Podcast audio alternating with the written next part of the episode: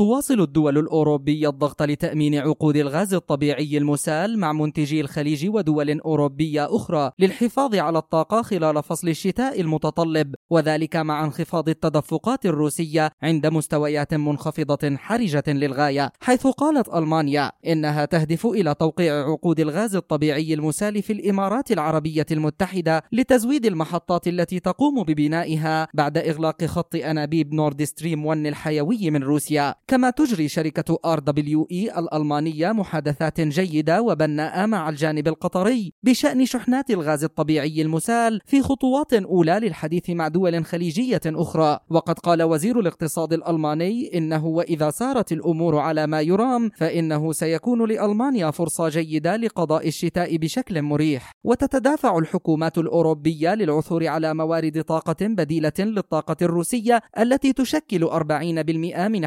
احتياجاتها من الغاز الطبيعي حيث حددت إسبانيا وفرنسا خططا طارئة لمحاولة تجنب انقطاع التيار الكهربائي. فيما حذر مشغل الشبكة الوطنية في فنلندا من ضرورة الاستعداد لخطر انقطاع التيار الكهربائي في فصل الشتاء. كما وقالت رئيسة شركة التجزئة الفنلندية إنها رفعت دعوى إفلاس بسبب الارتفاع الحاد في أسعار الكهرباء في البلاد. أما البرتغال فقد قالت إنها تستعد إلى مشاكل عدم تزويدها بحجم الغاز المطلوب لديها. وأكد مسؤولوها على أنهم يسارعون في إيجاد بدائل مناسبة للغاز الروسي. وعلى الرغم من تعهد فرنسا من إمداد ألمانيا بالغاز المتدفق من الأراضي الفرنسية في العاشر من الشهر القادم إلا أن هناك من يشير إلى أن فرنسا نفسها تتعرض لخطر انقطاع التيار الكهربائي محليا إذا لم يتم إصلاح المفاعلات النووية المتضررة من خطر التآكل. فيما قال محللون آخرون إن الطاقة البديلة من دول أخرى غير روسيا ستكون مكلفة بشكل أكبر من تلك الإمدادات المعتادة من الجانب الروسي. وذلك نظرا للأنابيب الجاهزة والمباشرة الممتدة بين الجانبين الروسي والأوروبي. مجد النوري